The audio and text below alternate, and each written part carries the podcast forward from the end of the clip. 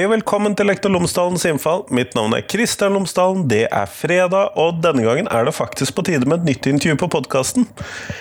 Egentlig så er ikke dette et nytt intervju, men det er et nytt intervju i den forstand at det ikke har blitt sendt før. Og jeg har ymtet litt frempå om dette i slutten av episode 447 og i begynnelsen på episode 446, at det var noe litt særegent med denne episoden. Og det er rett og slett det at for et år siden, akkurat i dag, 21.10.2021, så gjorde jeg et intervju med Lars Løvli. Og det var et veldig bra intervju. Eh, det må jeg bare si selv. Men jeg glemte dessverre å putte det inn i Excel-filen som jeg holder styr på denne podkasten med. Der hvor jeg legger inn hvem jeg har sendt forespørsler til, hvilke ideer jeg har for fremtidige episoder, hva som er blitt spilt inn, og hva som har blitt sendt på podkasten. Dette intervjuet lå ikke inne overhodet. Så her for to uker siden så oppdaget jeg at ha, det er jo én mer mappe enn jeg har innspilt i intervjuer. Jeg hadde 19 mapper, men bare 18 intervjuer som jeg mente at jeg hadde spilt inn. Og det er en Da måtte jeg begynne å lete. Hvilket hører ikke hjemme her? Og så viser det seg at det er dette intervjuet som du nå skal få høre. Så kunne jeg ha sendt dette forrige fredag, men da hadde jeg nettopp gjennomført et politikerintervju. Og så er det dette med at dette i dag er det faktisk 21.10.2022. Så litt gøy at det faktisk da kommer på årsdagen sin. Men ellers veldig pinlig. Ehm, jeg prøver å holde orden på ting, men eh, dette Ja. I hvert fall, jeg snakker med Lars Løvli. Han er professor emeritus fra Universitetet i Oslo, og vi snakker om politiseringen av skolen, politiseringen av lærerutdanningen. Vi snakker om pedagogisk motstand fra lærere, vi snakker om hvordan vi sørger for at vi har den skolen som vi trenger å ha for elevenes skyld, for samfunnets skyld. Så kjempeinteressant tema. Så det får du nå etterpå. Ellers, denne podkasten er sponset av Fagbokflagget, og Fagbokflagget utgir bøker og digitale læremidler for hele utdanningsløpet, fra barnehage til høyere utdanning og profesjonsstudier, samt for norsk for minoritetsspråklige. Og i våre så ga Fagbokforlaget ut en bok for lærere i grunnskolen om planlegging, undervisning og vurdering i samfunnsfag.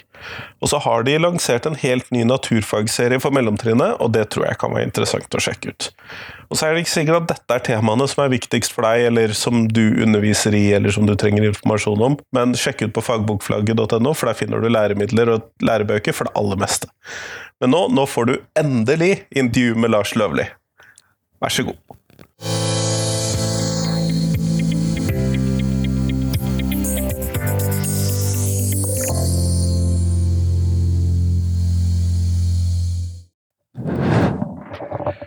Lars Løvli, tusen takk for at du har tatt deg tid til meg i dag.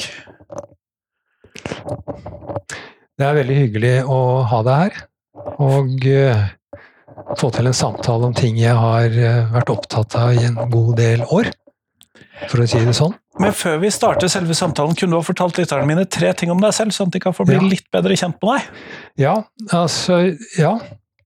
Uh, jeg heter altså Lars Løvli, og jeg har hatt hele min arbeidsdag innenfor høyskolesystemet og eh, universitetet. Eh, jeg eh, har vel hatt en hang da, til filosofi, grunnlagsproblemer, og den kulturhistorien som henger sammen med de forfattere jeg gjerne har lest. Så jeg føler nok at jeg har en sterk forankring i Eh, den tyske dannelsestradisjonen fra 1700-tallet og fremover. Med eh, folk som eh, Ja, først og fremst Kant, kanskje, så Hegel, Wilhelm von Humboldt. Og selvsagt de som ligger samtidig her. Goethe, Schiller har vært interessant lesning for meg og tysk uh, kulturhistorie. Men uh, jeg har opprinnelig oppfattet meg selv som anglofil. Jeg uh, har likt det engelske språket. Jeg har eh, likt å skrive engelsk, og det har vært en slags frihet i å skrive engelsk i tillegg til å skrive det norske. Så det, det, det kommer inn altså en viss form for, for eh, nøktern, analytisk eh, tenkning som jeg har fått fra det, av det engelske. Og jeg har vært mest i England. Jeg må si det. Men jeg har også vært over Atlanteren. Jeg føler meg veldig godt kjent med John Dewey og den amerikanske pragmatismen. Så det er bakgrunnen, og dette tok jeg med meg eh, inn i mine første år i høyere utdanning, som var eh, det som het eh, Hedmark Oppland distriktshøgskole, og som begynte i 1971. Høgskolen Innlandet i dag, med andre ord? Høgskolen Innlandet i dag, som fortsatt er en høyskole. Det er interessant. Kjempeflott. Fordi at det jeg har lyst til å spørre deg om, er jo både litt nåtid og litt historie. Men hvis vi starter med hvordan har skolen forandret seg i de årene du har jobbet med skolen? Kunne det være et sted å starte? Vi, vi kan starte der, men jeg er litt, blir jo stilt litt i forlegenhet, fordi at jeg har jo aldri vært i skolen.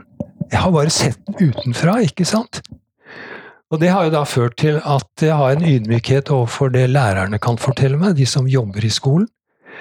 Og det har også ført meg til å være veldig forsiktig med å fortelle lærerne hva de skal gjøre i skolen. Det mener jeg absolutt, og det kommer jeg til å fortsette å mene, med, av gode grunner. Det må de finne ut av selv. Så jeg har et uh, spørrende forhold til skolen og hva som skjer der. Og jeg er klar over at eh, det er mye jeg ikke vet om hva som egentlig foregår i skolen, men som jeg da har eh, et inntrykk av fordi at jeg følger opp på den eh, nasjonale scenen, jeg følger opp i aviser, i mediene osv. for å ha en føling med hva som skjer i skolen. Og det er der jeg kan si det at det henger mye god, gammel reformpedagogikk igjen i den norske skolen. Heldigvis, vil jeg si. Men hvis vi da starter med å kunne fortelle litt om hva, hva, du mener med reformpedagogikk, fordi at uh, dette har jeg et litt løselig forhold til, for å si det sånn. Ja, altså det er jo disse merkeårene. Eh, den nye skoleloven av 1936 som blir fulgt opp av normalplanen av 1939 som er den viktige her, og den målsettingen som var, eh, var eh, sentral i, eh, i, i, denne normalplanen. Og det var aktivitetsprinsippet. At barn skulle selv være trekkes aktivt med og deltakende med i skolearbeidet. Barns initiativ var viktig i skolearbeidet. Selv om det ble initiert og ledet av lærerne, så skulle barna få anledning til å drive helt konkret jobbing. Så vi fikk eh, da Det som jeg hadde i min skoletid, det var eh, Vi hadde f.eks. tresløyd og metallsløyd. Vi hadde skolekjøkken, vi lagde mat, lærte å lage mat. Og eh, det var jo aktiviteter som nå ikke har blitt lagt så mye vekt på etter den store forandringen som skjedde fra begynnelsen av 90-tallet. Så reformpedagogikken er elevaktivitetens skole, og den ble også bygget på ideen om elevsentrering. Vi skal finne ut eh, hvor eleven er, og hva eleven vil, og starte et samarbeid ut fra det. Det kom en interessant bok på 70-tallet, og der, den het uh, Snakk med oss-lærer. Jeg vet ikke om du husker den selv, men den eh, var jo en interessant tittel på. Men det var noe av det jeg opplevde med den skolen. Det var faktisk at læreren skulle høre hva eleven hadde å si. Og spørsmålet da med den eh, nye skolen som oppstår eh, og blir satt i verk fra 1990-tallet og fremover, den har en helt annen form, den har en annen ideologi. Eh, den har en annen måte å virke på. Den har andre og mye klare kontrollmekanismer som kontrollerer både elever og lærere i dette systemet. Så det er en eh, stor forandring i eh, måten å tenke pedagogikk på, og det slår igjennom i, eh, i praksis. Men dette er jo da, eh, for dette er den skolen jeg er oppvokst med, og som jeg kjenner, den som Ja. kommer fra og med 90-tallet. Ja. Men eh, hvis vi da skal se på litt eh, kildene til disse to eh, pedagogi, pedagogiske retningene, så kunne du si litt hvor er det denne reformpedagogikken kommer fra? Og så kan vi snakke litt om eh, den nye skolen etterpå. Ja, det er fint. Eh, Den, eh, altså reformpedagogikken eh, jo, kommer fra Tyskland. Dette med aktivitet og arbeid, altså arbeidsskoleprinsippet, kommer, eh, kommer fra Tyskland. I, utviklet i mellomkrigstiden. Og på den tiden så hadde norske skolefolk, altså folk som, var, som drev og utviklet norsk skole, f.eks. en som Anna Setne, som var veldig viktig i Oslo-skolen, hvor eh, mye av dette arbeidet eh, ble initiert i sin tid, startet opp. Eh, Det var utvekslinger av ideer, teorier og det ene med det andre mellom Tyskland og, og, og Norge. Det andre som kommer inn i norsk reformpedagogikk, det er amerikansk, det vi kaller amerikansk progressivisme. Og ideen der går jo på at, vi, at barna skal være med i prosjektarbeid og i problemløsende arbeid. Det var jo tilskåret det nye amerikanske samfunnet. Her tenker jeg da på John Dewey, som var i aktivitet før århundreskiftet 1900, og som eh, fikk en kjempebetydning i USA. Så er det viktig å innse at eh, eh, John Dewey var én eh, viktig, grunnleggende stemme i, i dette her. Og så har du de som tok utgangspunkt i, eh, i hans teorier og lagde sine egne opplegg.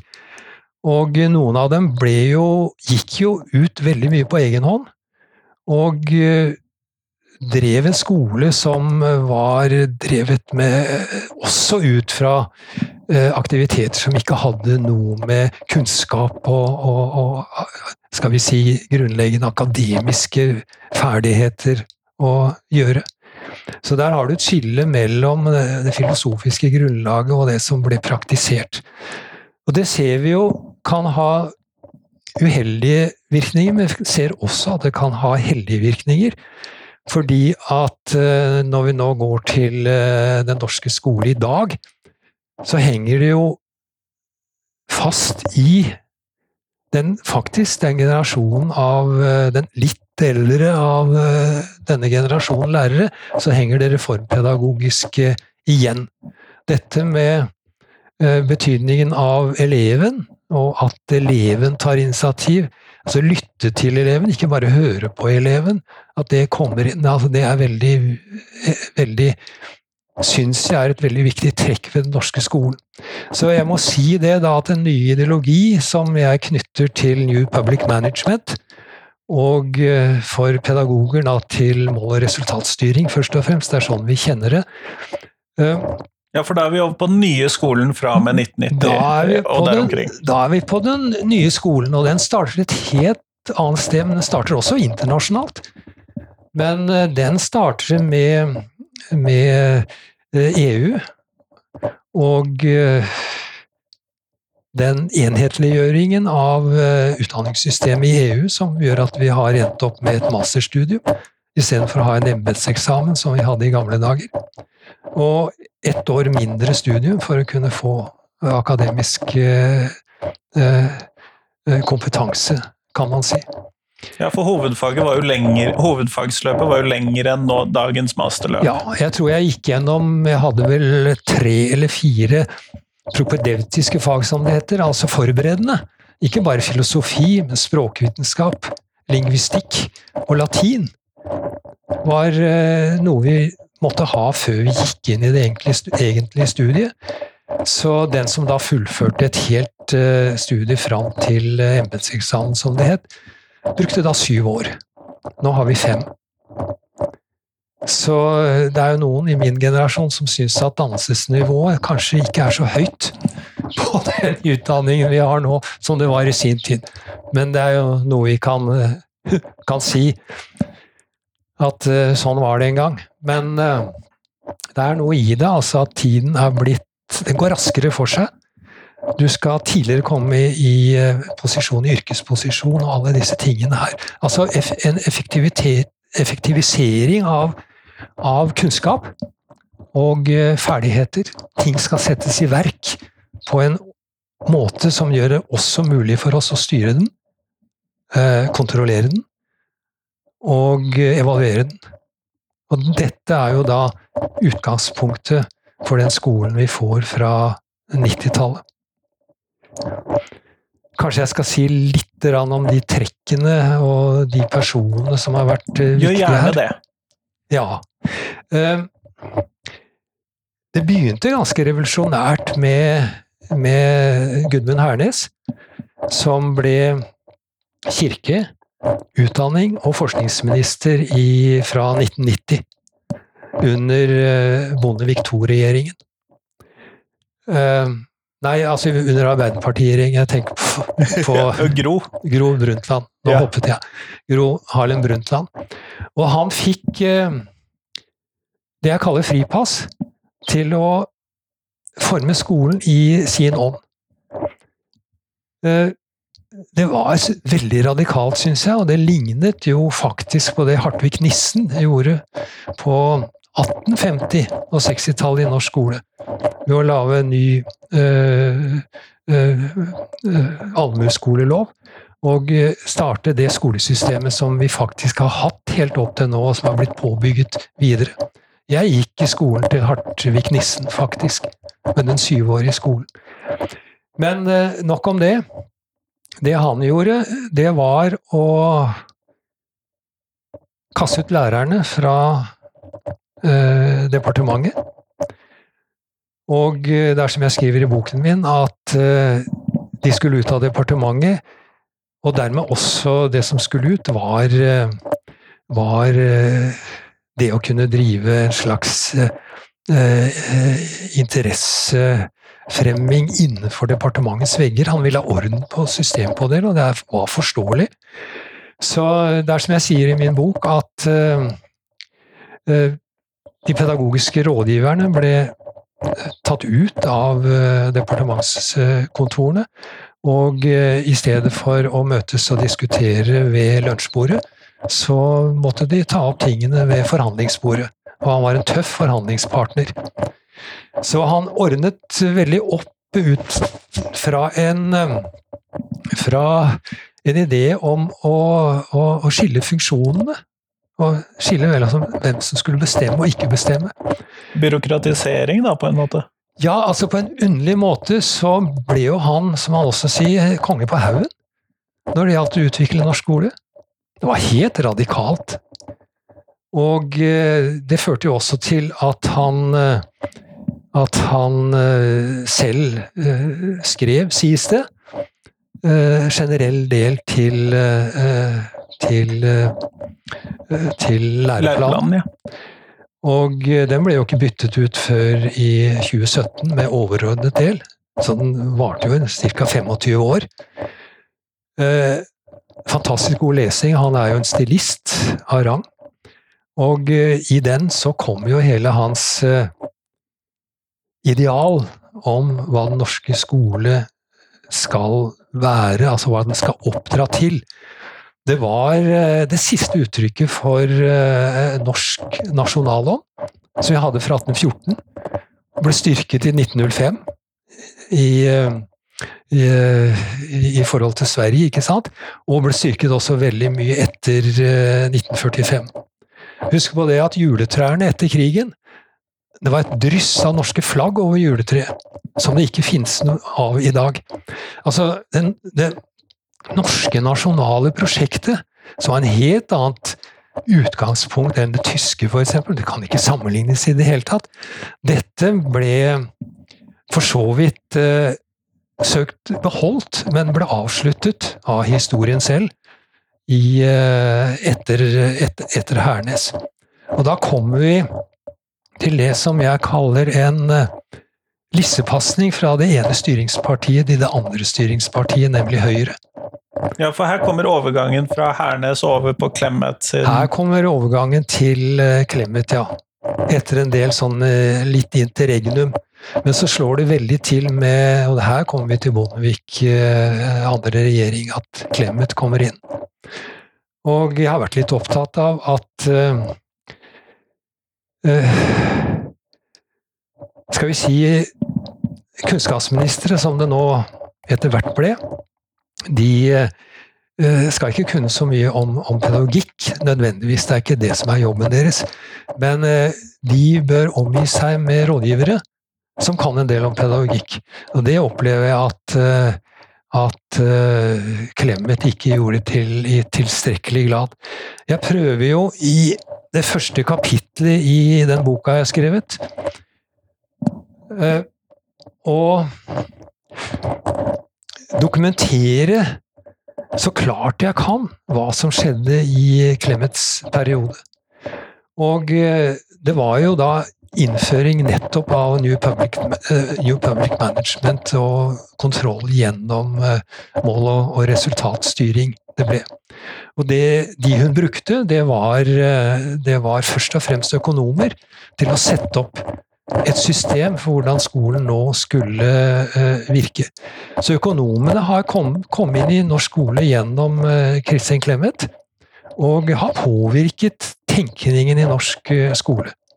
Økonomer de er jo opptatt av å drive en god husholdning, og det har preget denne, denne skolen. Man skulle putte mindre inn i skolen av ressurser, og allikevel få mer ut av den. Det var jo noe av det som det gikk på. Eh, noe av, eh, av propagandasnakket her, det gikk jo på at eh, Norge putter mye mer inn i skolen enn de får ut av den i forhold til andre land. Og her kommer neste inspirasjonen inn, og det er OECD. Og det nære samarbeidet med OECD dette er globalisering. Ja, For dette er etter PISA-sjokk og denne typen uh... PISA-sjokket ligger midt etter her. Det kommer, PISA-sjokket kommer i, uh, sent på høsten i, uh, i 2001. Første PISA-undersøkelsen var året før. Og da laver da laver Kristin Clemet sammen med sin statssekretær Ole Helge eh, Bergesen eh, et jippo på Stortinget, i fjerde etasje i forsamlingssalen der. Invitere presse, mediene, og eh, klare å få sagt det at eh, vi trodde vi hadde en god skole, skole, men det har vi ikke. Vi har ikke noen god skole.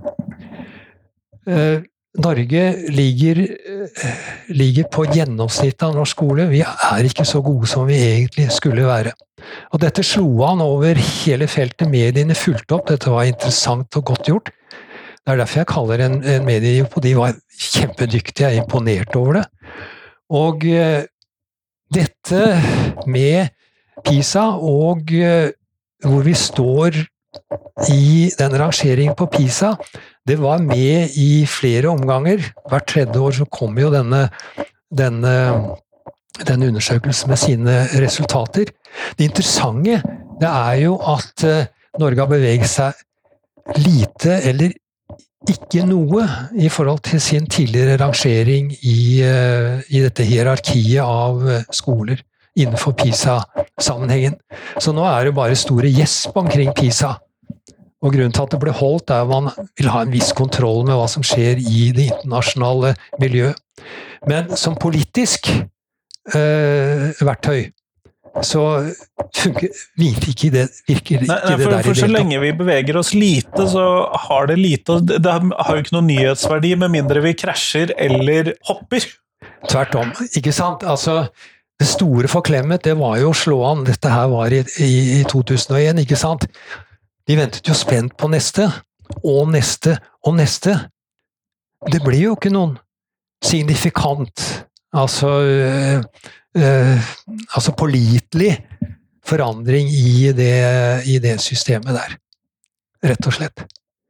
Og det er eh, noe av det som da fører opp til, og som jeg gjør et nummer av i, i boken min, eller i hvert fall kan si det nå Jeg ser det store skiftet. Det skjer med kampen mellom eh, Chris, eh, mellom Astrid Søgnen, som i sin tid jobbet for Hernes, men gikk inn som veldig sentral i utviklingen av læreplanen til, eh, til Clemet, altså læreplan 06, og som eh, ble skoledirektør i Oslo i 2000 og faktisk satt i 18 år i den stillingen.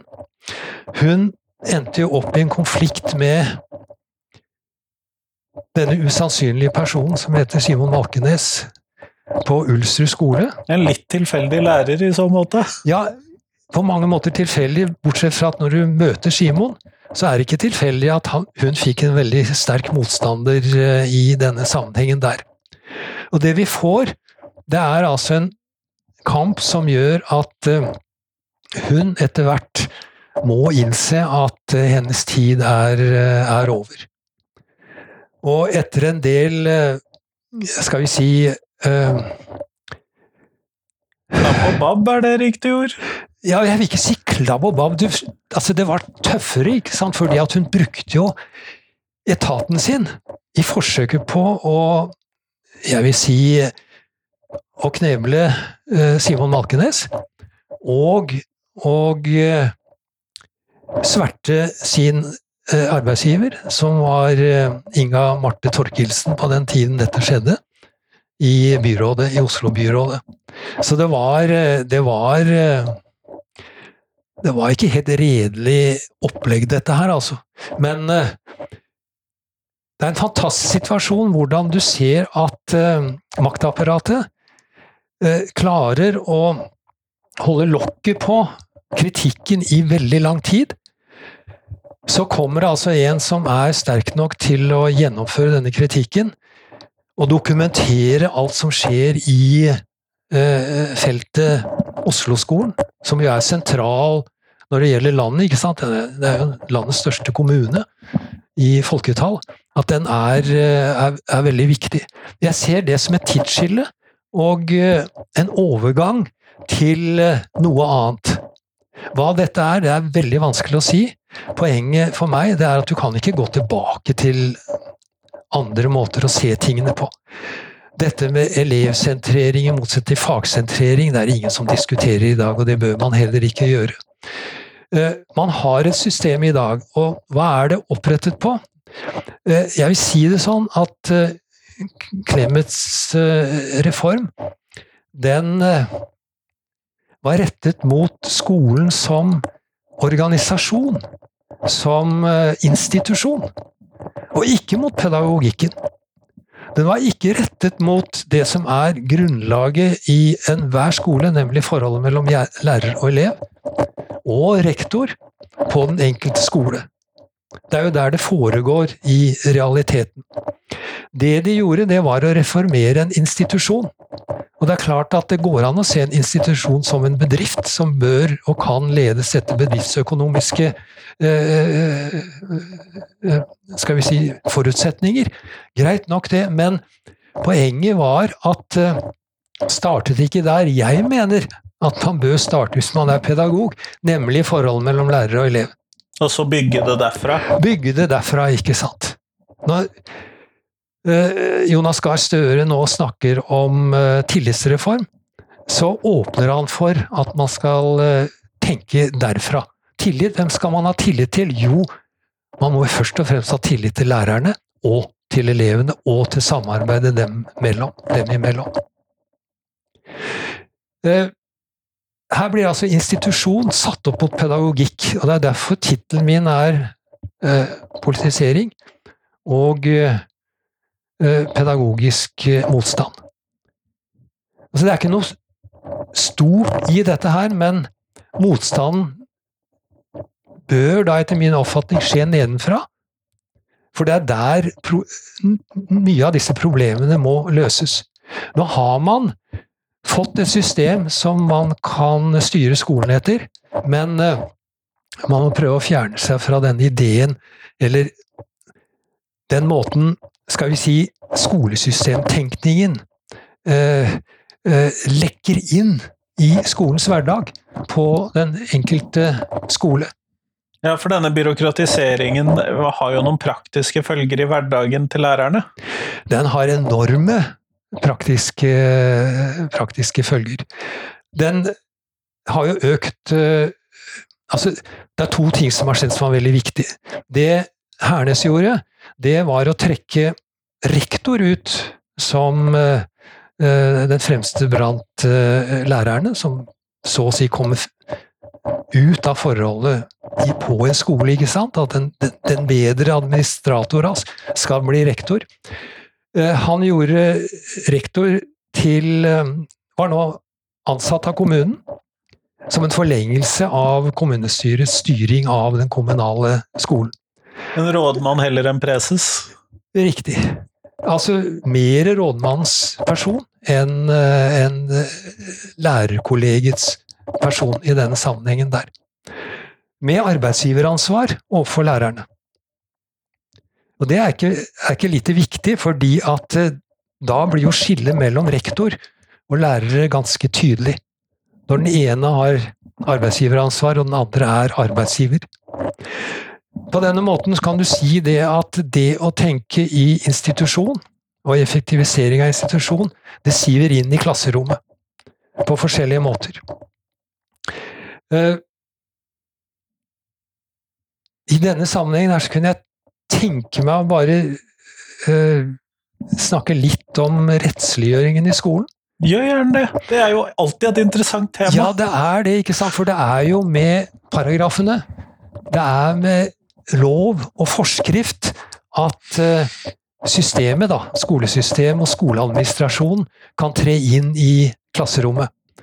Og kanskje det mest interessante er jo det som skjer da i, eh, i 2017. Eh, med det siste leddet, tillegget i paragraf 9a som jo er veldig vesentlig. Den sier jo opprinnelig at skolen skal sørge for at barna kan uh, arbeide i et, i et sosialt og psykologisk miljø som kan tilfredsstille dem. Denne paragrafen har blitt utvidet veldig sakte, så kommer da den siste. Og den sier jo det at skolen skal beskytte barna mot mobbing, trakassering, uh, ekskludering det ene, altså Dette her som kan være et stress og noe som kan utsette eleven for, for ubehag og, og, og manglende evne til å kunne delta og være med i skolen. I og for seg et, en veldig viktig paragraf, men det som er interessant her, det er jo at loven da trer direkte inn i forholdet mellom lærer og elev, fordi at hva som blir en en klage fra eleven og en sak for skolen, det er elevens subjektive oppfatning av å bli f.eks. trakassert eller satt til side, eller respektløst behandlet. Og dette har jo skapt problemer i, i skolen. Nå skal ikke jeg gå inn i skolen som lærer, men det er Det er, vel, det er jo rapportert fortsatt om lærere som som kan slå og sparke elevene og oppføre seg eh, psykologisk uh, respektløst overfor elevene, det, det, er det forskning på. Men spørsmålet er jo i hvilken grad altså Det som engasjerer meg, det er i hvilken grad dette loven, hvordan loven trer inn i klasserommet og dirigerer forholdet mellom lærer og elev. Er det et alternativ til det? Eh, man må ha kontroller som tar ut lærere som ikke klarer å gjøre jobben sin, det er helt riktig. Men denne kontrollen må jo utgå fra skolen selv, sånn som det er forsøkt gjort i forbindelse med mobbing. Altså, mobbing må løses innenfor skolens rammer innenfor det sosiale liv som skolen er. Man løser ikke mobbing ved å ha politi i, eh, i, i, eh, i skolegården, f.eks. Det er en del saker som må løses med, ved hjelp av politiet, men dette kan ikke være normal Ja, for det må løses ved hjelp av pedagogiske virkemidler. Den må løses ved, eh, ved at eh, institusjonen skole kan skape et sosialt liv, en type solidaritet. Nå snakker jeg nesten gammelt Arbeiderparti her. En type solidaritet som gjør at de innser at de har en felles oppgave. Men her kommer da det neste eksempelet som jeg syns er interessant, hvor loven trer inn. Og det er at overordnet del, den eh, er nå blitt forskrift. Svart på hvitt. Eh, Skolemyndighetene har sett på læreplan som forskrift eh, lenge. Det kommer også i mønsterplan av 87. Men eh, det ikke, står ikke på prent noe sted. Jeg spurte en, en, en departementsråd, avgått departementsråd, som begynte under, under Hernes, og gikk av for et par år siden. Trond Fevolden om dette her, jeg traff han på et seminar her forleden dag. Han kunne ikke gi meg noe eh, svar på, eh, på dette her, men altså, mitt argument i denne sammenhengen her var at eh, hvordan kan overordnet del, som legger fram verdigrunnlagene for hva norsk skole skal være, med menneskerettigheter og de, de, de tingene som står i første ledd i formålsparagrafen. Hvordan kan departementet, som jo lager forskrifter, hvordan kan departementet gripe inn med en forskrift og si at dette her er nå legalisert? At dere skal gjøre det på den måten. I stedet for å ta utgangspunkt i den selvfølgelige norske konsensus som har eksistert tidligere, om at det er en lojalitet mellom ledelsen i departementet og det som foregår i kommuner og i eh, klasserommet. Igjen så ser jeg dette her som en form for rettsliggjøring, hvor lov og forskrift kommer inn og bestemmer grenser for hva man kan gjøre, i stedet for at arbeidet i skolen utvider grensene for hva som kan gjøres i denne sammenhengen her. Loven skal beskytte, men loven skal ikke vikle seg inn i oppdragelsesprosessene. Det er jo her det begynner å bli problematisk for meg, altså.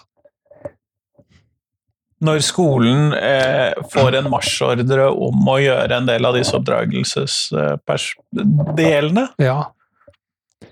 Ja, da eh, altså, altså Da kan du si at, at, eh, at eh, altså Dette er jo, er jo et ledd i en kontroll, ikke sant? Det blir jo ledd i en kontroll. Kanskje ut fra de aller beste motiver om å beskytte barn. Men eh, det er forskjellige måter å tenke hva slags beskyttelse av barn man skal ha. At man skal gjøre i den sammenhengen der. Men jeg lurte på om jeg kunne, kunne gå over til en annen ting. Eh, I forbindelse med eh, Clemets reform. Og det er jo introduksjon av markedet i skolen. Dette er jo helt nytt. Jeg tror ikke Hernes kunne ha tenkt seg noe sånn i, i det hele tatt. Han er altfor mye av en, eh, skal vi si, eh, dannelsesaktør i skolesammenheng enn eh, enn å kunne gjøre det. I dag ser vi jo det at markedet har trådt inn ved hjelp av undervisningsprogrammer. Ved hjelp av eh, atferdskorrigerende programmer. Eh, Vi har jo akronymer som, eh, som PALS, som er blitt kritisert ganske mye også av, meg selv. Vi har Duo, Duo, altså De utrolige årene som har blitt kritisert. Vi har Art. Det interessante med i hvert fall to av disse her, Pals og Art, er at utgangspunktet det var programmer som skulle ta seg av eh, amerikanske ungdommer. eh, som eh, ble, som ble altså definert som, som kriminelle. Altså som et oppdragelsesprogram som skulle få kriminelle ungdommer tilbake på den rette vei. Det er egentlig et godt innslag av eh, gamle BF Skinner og behaviorismen, altså atferdsteori, med bruk av forsterkere, som har vært inne i dette bildet fra, faktisk fra begynnelsen av. Og eh, det inngår da i det jeg vil kalle en eh, i, i, altså, det inngår i, i skolens paternalisme. Bedreviteren, den som har ansvaret for, eh, for at elevene skal lære. Og eh, la meg sette det litt på spissen. Gjerne det. Eh, Paternalismen går jo ut på at de voksne vet best.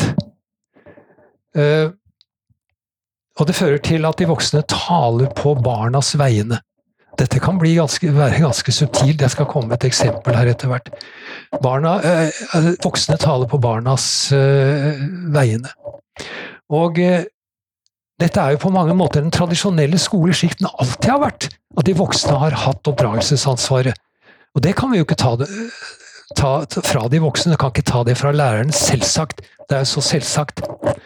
Men eh, i vår tid hvor eh, eh, det subjektive eh, perspektivet eh, i beste forstand eh, Nesten i kantiansk forstand, altså som det moralske individ, ikke sant, som vi til syvende og sist kan og bør være. at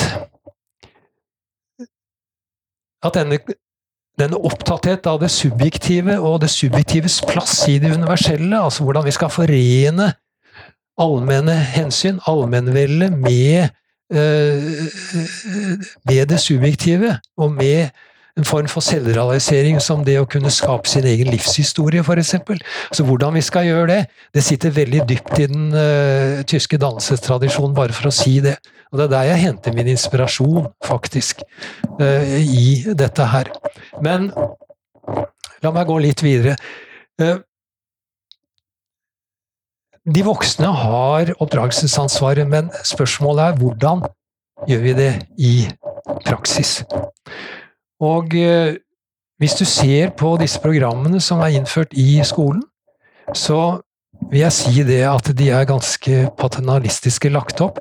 De fører en tradisjon videre som eh, får bli skjult for seg selv som eh, blir eh, tildekket som noe av det helt selvfølgelig i en skole som faktisk trenger å ta opp denne problematikken her.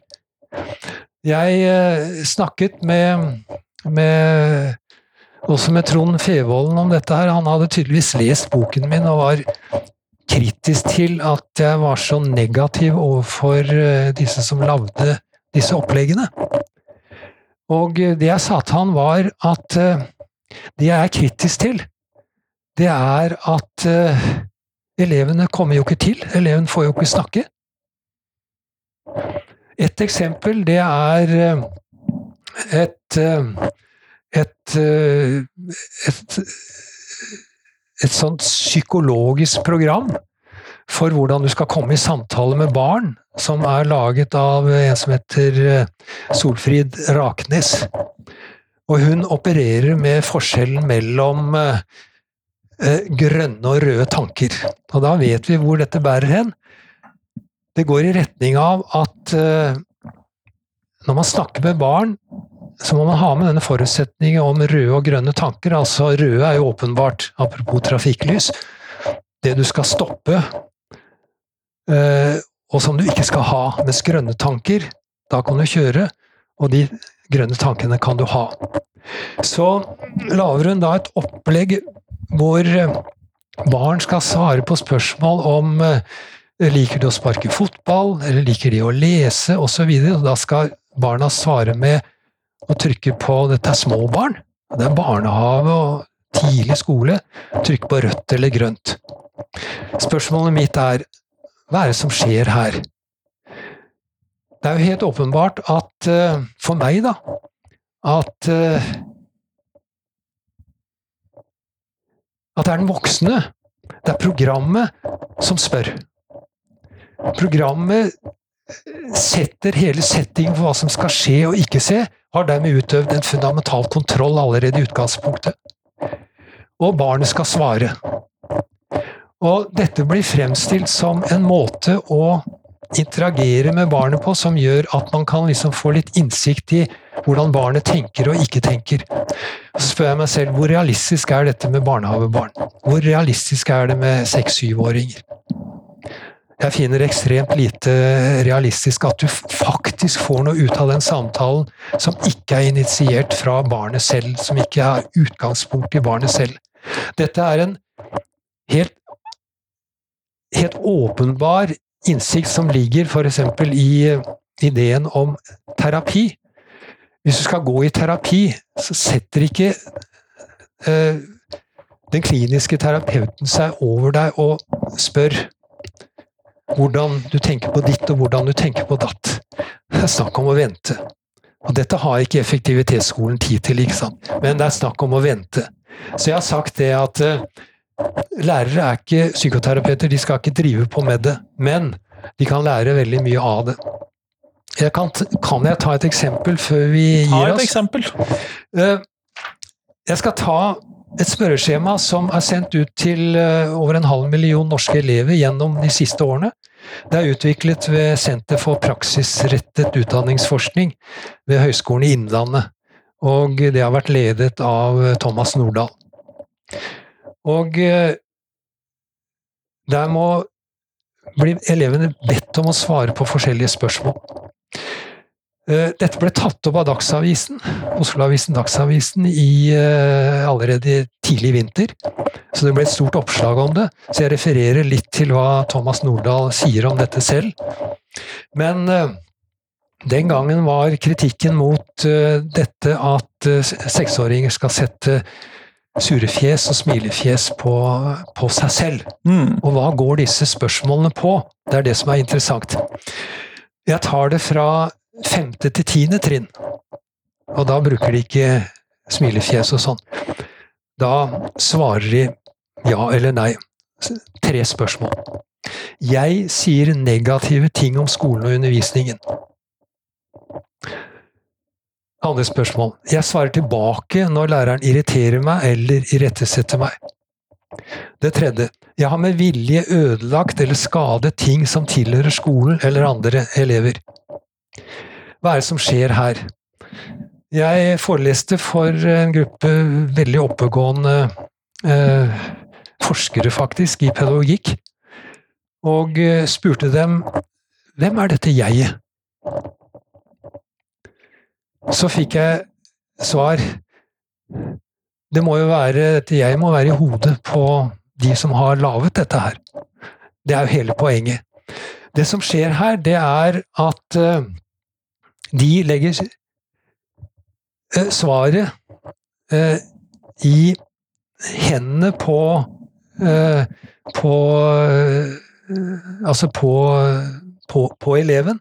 Men det eleven gjør, er jo å gå inn i en situasjon hvor det ligner litt på pietismen. Det er jo synsbekjennelsen her som kommer inn. Det er det de spør om. Og det de vil, er jo selvsagt at jeg, altså eleven, skal identifisere seg med dette jeg. Det er en forkludring av den, eh, av den eh, av en meningsfull diskusjon, en meningsfull samtale, som, som jeg finner høyst betenkelig. Og her kan du si det at markedet, gjennom disse tingene her, går direkte inn i klasserommet, inn i holdt på å si sjelelivet til disse elevene, og definerer dem som mulige eh, eh, regelforbrytere, ikke sant, i Syndere, skolen. Syndere, kanskje? Syndere. Syndere i skolen. Dette er den pietistiske arven. Du har altså paternalismen, og du har den pietistiske arven som går på dette her. Jeg tror de uh, i, uh, i CPU, da, uh, dette forskningssenteret, ikke tenker noe særlig på dette her. Men hva sier Thomas Nordahl til dette her? Han sier, og her kan jeg sitere, barna opplever å bli tatt på alvor og gis anledning til medvirkning i tråd med nasjonale føringer både i Norge og Danmark, sier Nordahl i et intervju med Dagsavisen. Det er hans konklusjon på dette her. Han prøver å gi seg backing ut fra at uh, uh, lovgivningen er tilfredsstilt, og så sier han det at barn opplever å bli tatt på alvor, dette er jo paternalisme. Han vet jo ingenting om dette her. Altså, en åtte- eller niåring har lært å lyve. Og eh, eh, når de er gutter, så lar de seg ikke pille på nesen bestandig av dette her. Jeg regner med at de har sett helt gjennom hva som skjer her, og svarer deretter. Så man kan spørre seg da om hva slags informasjon gir dette skjemaet også, ikke sant. Dette eh, foregår altså innenfor markedets ramme. Det er jo halvoffisielt fordi at eh, mange av disse programmene, f.eks. Duo, er jo finansiert av Helsedirektoratet. Og de er sterkt inne også med programmet for familierådgivning og sånn i hele landet. Eh, er det en ansvarsfraskrivelse som skjer her? På den måten at man overlater eh, dette oppdraget til folk som eh, har liten, eller kanskje ingen, psykologisk innsikt, som ikke er oppdatert på barnefaglig kunnskap, som jeg kaller det. Dette er et av temaene mine i, i boken, og det er for så vidt provoserende, men eh, det er også eh, en god grunn til å kunne ta opp dette her. Jeg har flere eksempler som jeg kan ta fra andre av disse programmene. Eksempel i Duo. Eh, tenkepausestolen. Skammekroken høres det ut. Det er Skammekroken. Er, er fremme igjen, ikke sant? Altså, her er en gammel folkelig tradisjon som ikke har blitt gjennomlyst av moderne tenkning om hva barn er, og om hvordan barn og voksne kan, kan interagere. Det er det store problemet med denne generasjons nyskapning i skolen. Det er at den har unnlatt å ta inn over seg det vi faktisk nå vet om barn, og hvordan man skal kunne lage et eh, godt skolemiljø. Det er vel det som er min, ja, skal vi si, ja, lønnlige håp til, til, til å I forbindelse med å skrive denne boka, ellers så hadde jeg ikke gjort det. Men er løsningen på disse tingene som du skisserer, er det pedagogisk motstand? Eller hva er det som er løsningen? Altså Poenget er jo at det er blitt pedagogisk motstand. Inni, bo, inni hylla der så har du ti bøker som er skrevet siden, eh, siden 2010 hvor dette ble helt klart for noen å være, også for meg, ikke sant. Det var i Du fikk eh, den første boka som jeg var opptatt av, det er 'Mestrer, mestrer ikke' av eh, Solveig Østrem og Mari Pettersvold, som tok opp denne problemstillingen på en bred basis.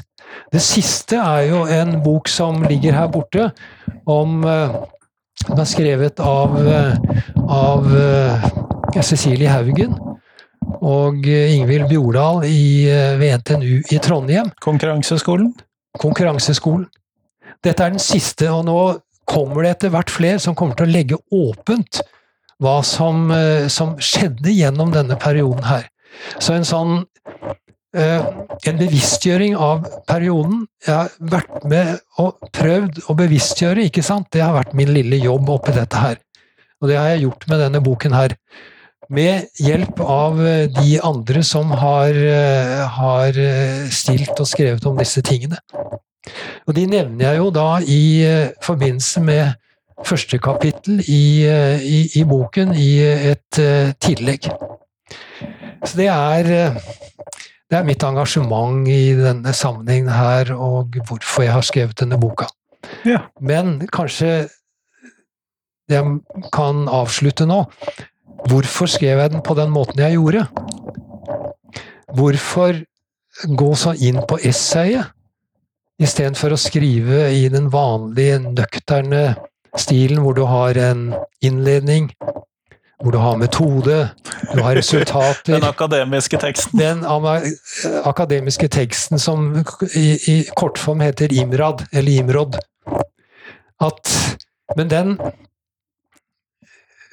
altså Med den mener jeg altså Jeg mener at den faktisk til en viss grad fengsler alle de talentene som nå er kommet inn i norsk pedagogikk, og er opptatt av å gjøre en jobb der. At jeg skal skrive og tenke på en måte som i grunn, i en form, som tilpass, er mer tilpasset en medisinsk artikkel enn enn å skrive om pedagogikk. Og Derfor har jeg vært opptatt av essay. Og prøver å begrunne det litt der. Det er ikke for å slippe unna med noe. For det å skrive et godt essay, det erfarte jo jeg, det er veldig vanskelig å gjøre. Men essayet gir deg en mulighet til å gå fra objektive observasjoner, fra forskningsrapporter og det ene, over til litteraturen. Jeg har jo ett essay her om, med en lesning av, av Rousseau, eksempel. Det nytter ikke å putte Rousseau inn i en Imrad-artikkel. altså Da forsvinner Rousseau fullstendig. Og filosofien blir jo, øh, jo svinebundet i den sammenhengen der. Historien mister sin spenning ikke sant, hvis du bruker Imrad osv. Det vet alle vi som driver med humaniora. Og øh, derfor så har jeg altså foreslått da at øh, forskerutdanningen, utdanning til vitenskap, i vår eh, lærerutdanning og i eh, forskerutdanningen, den bør også inkludere eh, essayet. Kall det gjerne et vitenskapelig essay. Det skal være nøkternt. Det skal holde seg til fakta. Men det skal også kunne eh, ta stilling til fakta. Eh, det skal kunne provosere, men det skal også kunne forene osv. osv. Det er mange tiltak som kan, eh, kan, føyes inn i et eh, essay. Og selv sier jeg jo det at eh, ettersom jeg skriver essay, så kan jeg også ta med diktningen. Det gjør jeg jo veldig kort, men mye av den måten jeg tenker på, den er jo, den er jo inspirert av diktningen, altså poesien, rett og slett. Og litteraturen. Kjempeflott, Lars. Ja. Tusen takk for at du tok deg tid til meg i dag. Ja, men uh, veldig hyggelig å få ta en prat med deg om disse tingene her.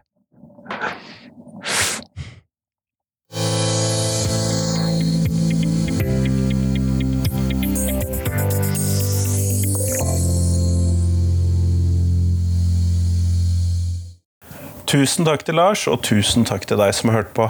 Jeg håper at dette intervjuet ikke tapte seg på det året. Jeg tror ikke det gjorde det, men jeg håper fremdeles at du satte pris på det. Det gjorde i hvert fall jeg. Og så satser jeg på at eh, Vel, at det ikke skjer så ofte at jeg gjør denne typen pinligheter. Uansett, nå tror jeg ikke det blir flere sånne doble ukesepisoder på en stund. Eller i hvert fall at det kommer to intervjuer på en uke. Er, planen er i hvert fall at jeg ikke skal gjøre det. Så det blir reprise neste fredag. Men på tirsdag som kommer, så får du et helt nytt intervju, akkurat som vanlig. Det satser jeg på at du setter pris på. Og så håper jeg selvfølgelig at du setter pris på disse reprisene mine også. Men nå, nå satser jeg på at du får ha en god helg. Hei, hei!